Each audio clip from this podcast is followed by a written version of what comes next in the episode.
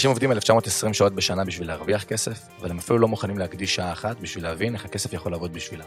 וזו חברים לצערי, העבדות המודרנית. בפודקאסט זה, מפת החום, המטרה שלי היא לבוא ולהנגיש את כל הכלים הפיננסיים שיעזרו לכם לצאת מאותה עבדות מודרנית.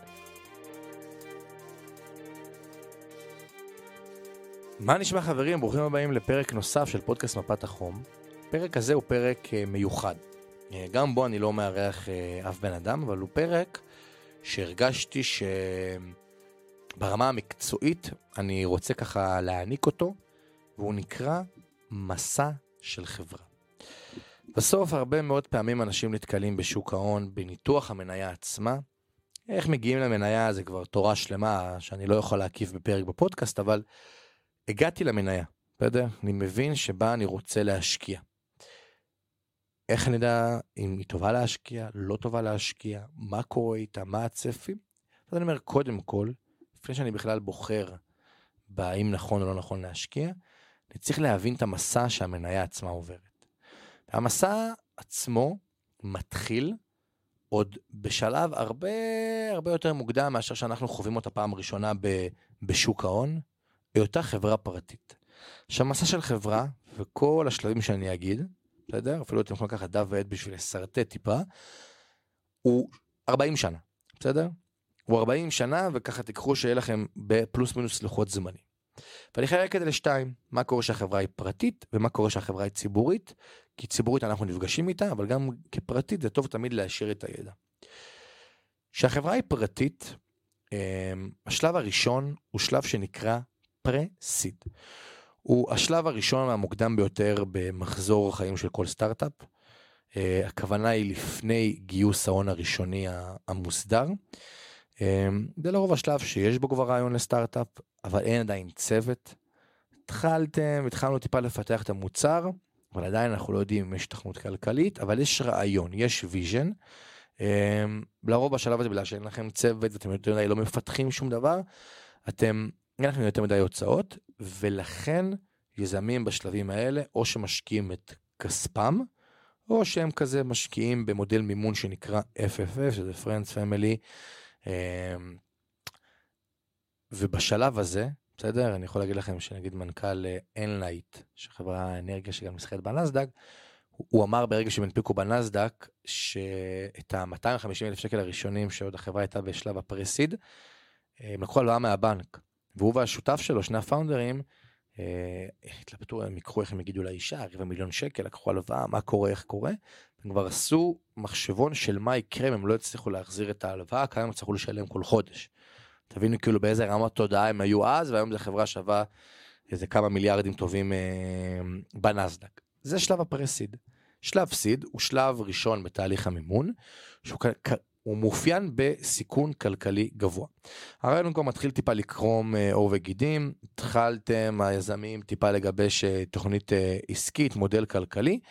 לרוב בשלב הסיד מי שישקיע זהו אנג'לים, שאנג'לים זה משקיעים פרטיים, לרוב על בסיס רעיון ראשוני, מצגת, זה מה שאנחנו רואים בתוכנית הכרישים. לרוב, פחות עכשיו ילכו לזה שהם גופים מוסדיים, אבל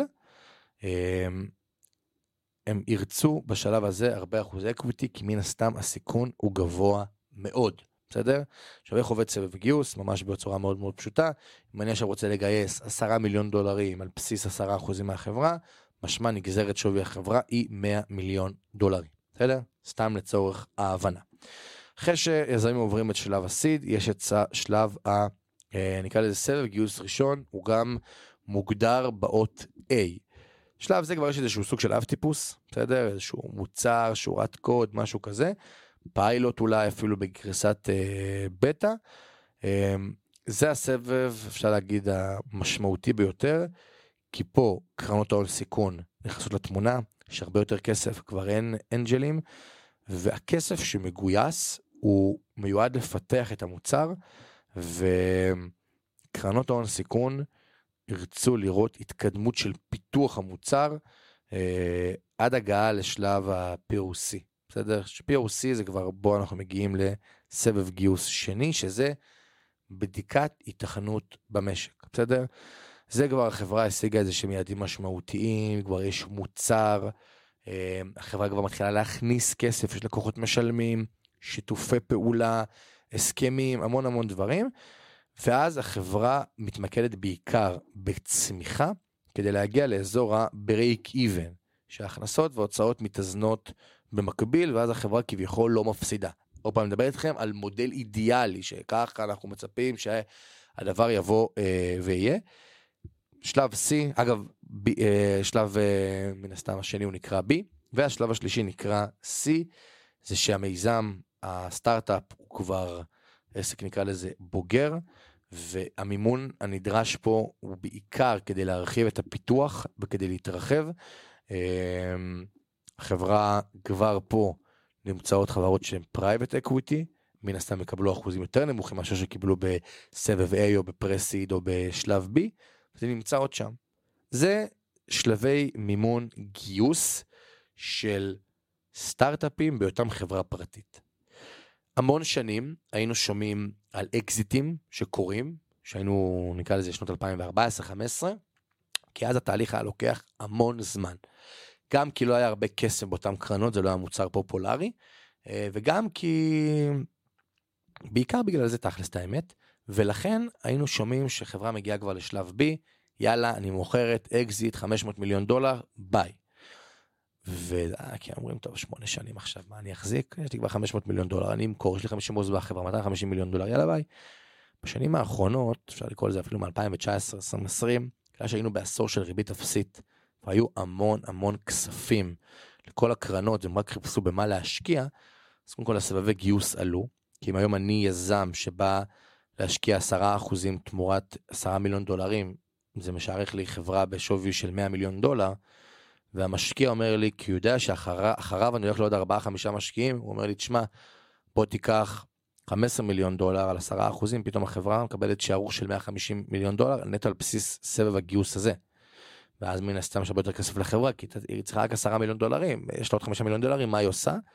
ואז אני אלך איתכם לתקופה שהיינו שומעים על מסיבות פורים לכל החברות הייטק בארץ, ומשכורות עתק, וארץ נהדרת מערכונים, וזה בועת ההייטק שהיה פה בשנת 20, 2021, אפילו קצת 2022, אה, שהתנפצה, פשוט כי חברות הונפקו אה, בנסדק או בבורסות שונות שהן במוכנות שלהם, הם בכלל בשלב B, בסדר, הם אפילו עדיין לא break even ברמת ההכנסה הוצאה, אה, אבל הם הונפקו, כי השוק מאפשר, כי המשקיעים רוצים את כספם, כי המון המון דברים, ואז שחברה מונפקת, היא יכולה להיות מונפקת או שהיא לא רווחית, או שהיא רווחית. רוב החברות היום כבר מונפקות שהן עדיין לא רווחיות, משמע ההכנסה היא 100 מיליון דולר, ההוצאה היא 120, מינוס של 20 מיליון דולר. מה הן עושות? צריכות כסף, אין להן, מונפקו, סיימו סבבי גיוס, אין כסף. הן הולכות פה לשתי אפשרויות. אפשרות ראשונה, ללכת לכיוון הנפקת אג"חים. אפשרות שנייה, יכול ללכת לכיוון של דילול מניות. שהנפקת אג"חים אני פחות אוהב, כי זה מעמיד את החברה בפני סיכון של חדלות פירעון. בסדר, חלילה החברה לא תצטרך להחזיר את הכסף, מושפעת מאוד מהריבית הגבוהה, פחות אטרקטיבי. בדילול מניות צריך, נקרא לזה מנכ"ל והנהלה חזקה שיבואו ויגידו חבר'ה, אנחנו מדללים, אין מה לעשות, יפגע בכם, אבל זה כדאי כי אנחנו לא רוצים להיכנס לחוב. ואני אומר פה, מי שלא יודע, דילול זה שונה מספליט. בסדר? זה לא שהם מחלקים לתמיכי מנה, פשוט מנפיקים עוד מניות. מי שרוצה טיפה יותר להבין את זה לעומק, מה ההבדל בין דילול לבין אה, ספליט, הוא מוזמן לשלוח לי או הודעה באינסטגרם או לקרוא בגוגל, הוא גם מקבל על זה מענה מדהים. אחרי תקופה, בסדר? כשהחברה הופכת מלא רווחית לרווחית, לרוב זה גם מתורגם בבורסה באיזה עלייה של כמעט 100%, כי החברה כבר מציגה רווחים.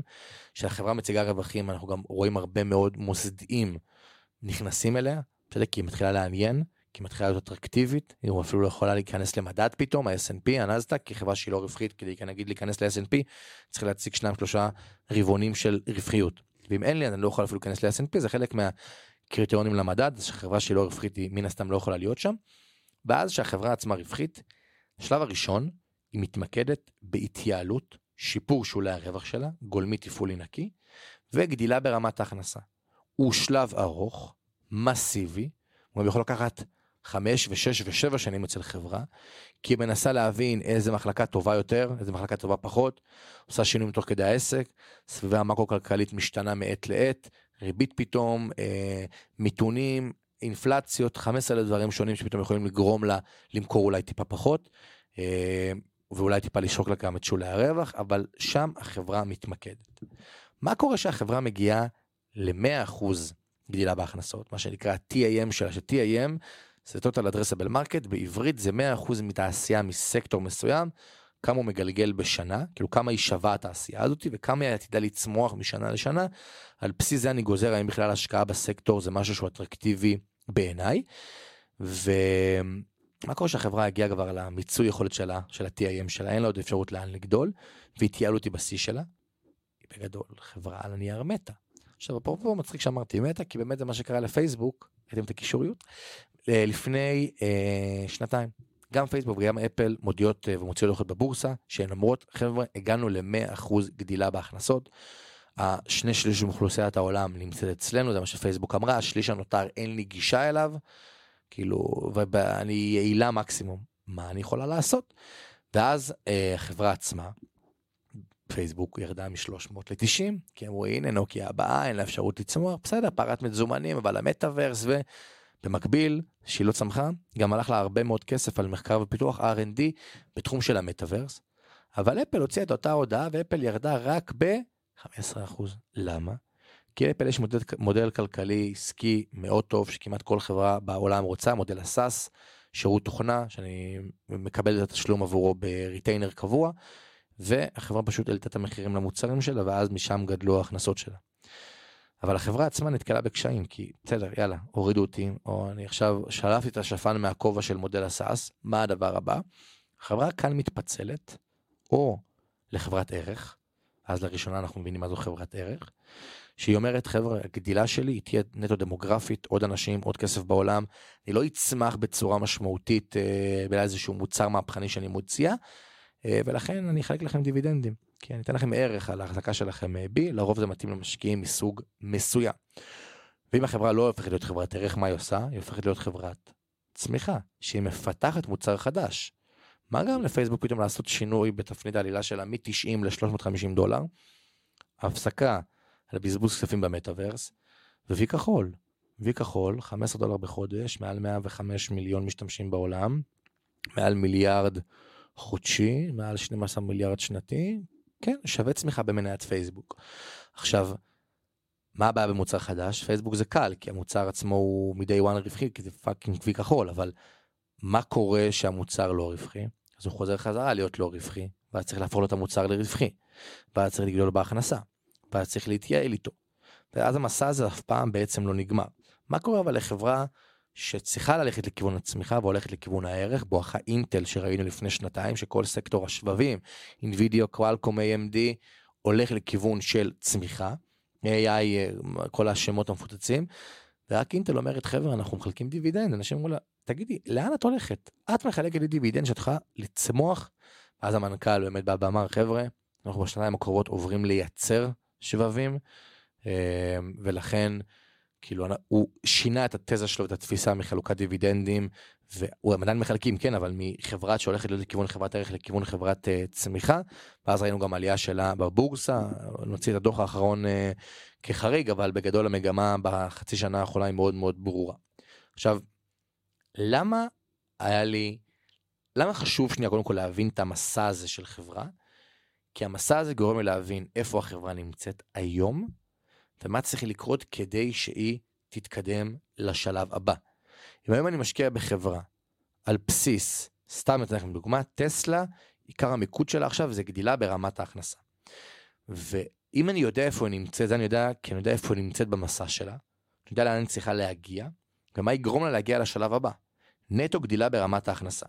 עכשיו, אם טסלה מוציאה דוח, ואנחנו רואים שהיא לא גדלה ברמת ההכנסה, מה אנחנו מבינים? שטסלה תרד. עכשיו, זה מאוד קל לי להבין את זה, עוד דבר מלפני זה, כי אם אני רואה בדוח הרבעוני החודשי שטסלה מפרסמת על מסירות רכבים, שהיא מוסרת פחות, מן הסתם זה תורגם לכדי ביטוי בבורסה. כל הדבר הזה, once הבנתי איפה החברה ממוקמת, בשלב מהרגע שהיא מונפקת, עד הרגע שהיא ערך או מפתחת מוצר חדש, וגם בפיתוח המוצר החדש, איפה המוצר הזה עומד, לא... אף אחד לא יצליח באמת לנתח חברה. והוא ילך והוא יישב בגוגל ויחקור ומנכ"ל והנהלה, זה טוב, זה נחמד, צריך לדעת. זה מה שעכשיו אמרתי לכם פה בפרק הזה, הוא חמישה אחוזים אולי מניתוח חברה, כאילו ככה מתחילים לנתח חברה.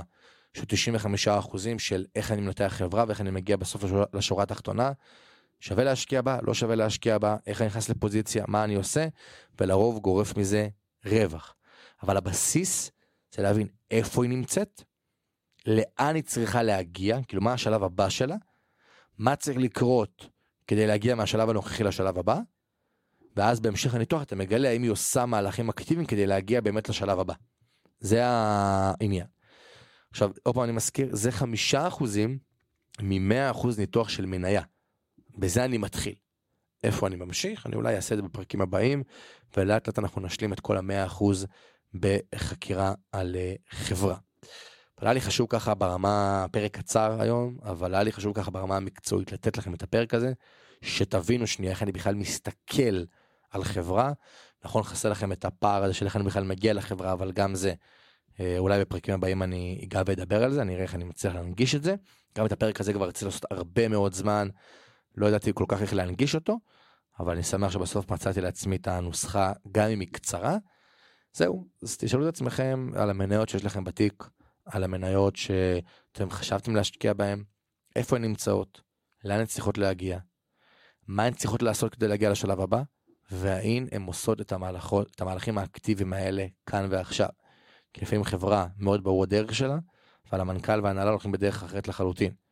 השוק הרבה יותר חכם, השוק מתרגם את זה במחיר המניה, וזה יגרום לכם גם להבין הרבה יותר בצורה נכונה תנועות של מניה, תנועות שראינו את נטפליקס ודיסני ואמזון ומייקרוסופט בשנים האחרונות, יהיה מאוד מאוד קל אה, להבין את זה, וזה פתאום גם עושה שכל.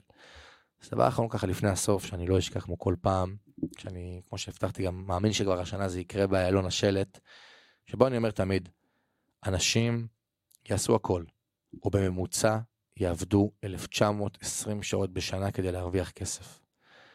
אבל הם לא יקדישו שעה אחת לשבת, להאזין לפודקאסט, לקרוא ספר, לראות הרצאה, לבוא לפגישה פיננסית, כדי להבין איך הכסף יכול לעבוד בשבילם. הדבר הזה מונע מהם להגיע לרווחה כלכלית, חופש, הבנה שהכסף הוא לא קשה. סך הכל איזשהו מונופול, שכמו שבמונופול רגיל במשחק, אני צריך בסיבוב הראשון לרכוש כמה שיותר נכסים, כי אם אני ב- רק בסיבוב השני, אני צובר וצובר וצובר כסף, ורק בסיבוב השני אני אתחיל לרכוש נכסים, כבר לא יהיו נכסים או שהמחירים שלהם יהיו גבוהים מדי. העשור הראשון, גיל 20 עד גיל 30, זה העשור שלי לרכוש את הכסף. לרכוש את הנכסים, להחזיק אותם, מניות, קופות, קרנות, ואז הכסף יעבוד בשבילי. שזה לא משנה אם גיל 20 עד גיל 30, הוא עשור טיפה יותר קל, גם אם עשיתי מגיל 30 עד גיל 40, העשור שלאחר מכן הוא יהיה לי עשור עם רווחה כלכלית אדירה. אז תודה רבה שהאזנתם לעוד פרק של מפת החום. ניפגש שבוע הבא, באותו יום, באותה שעה.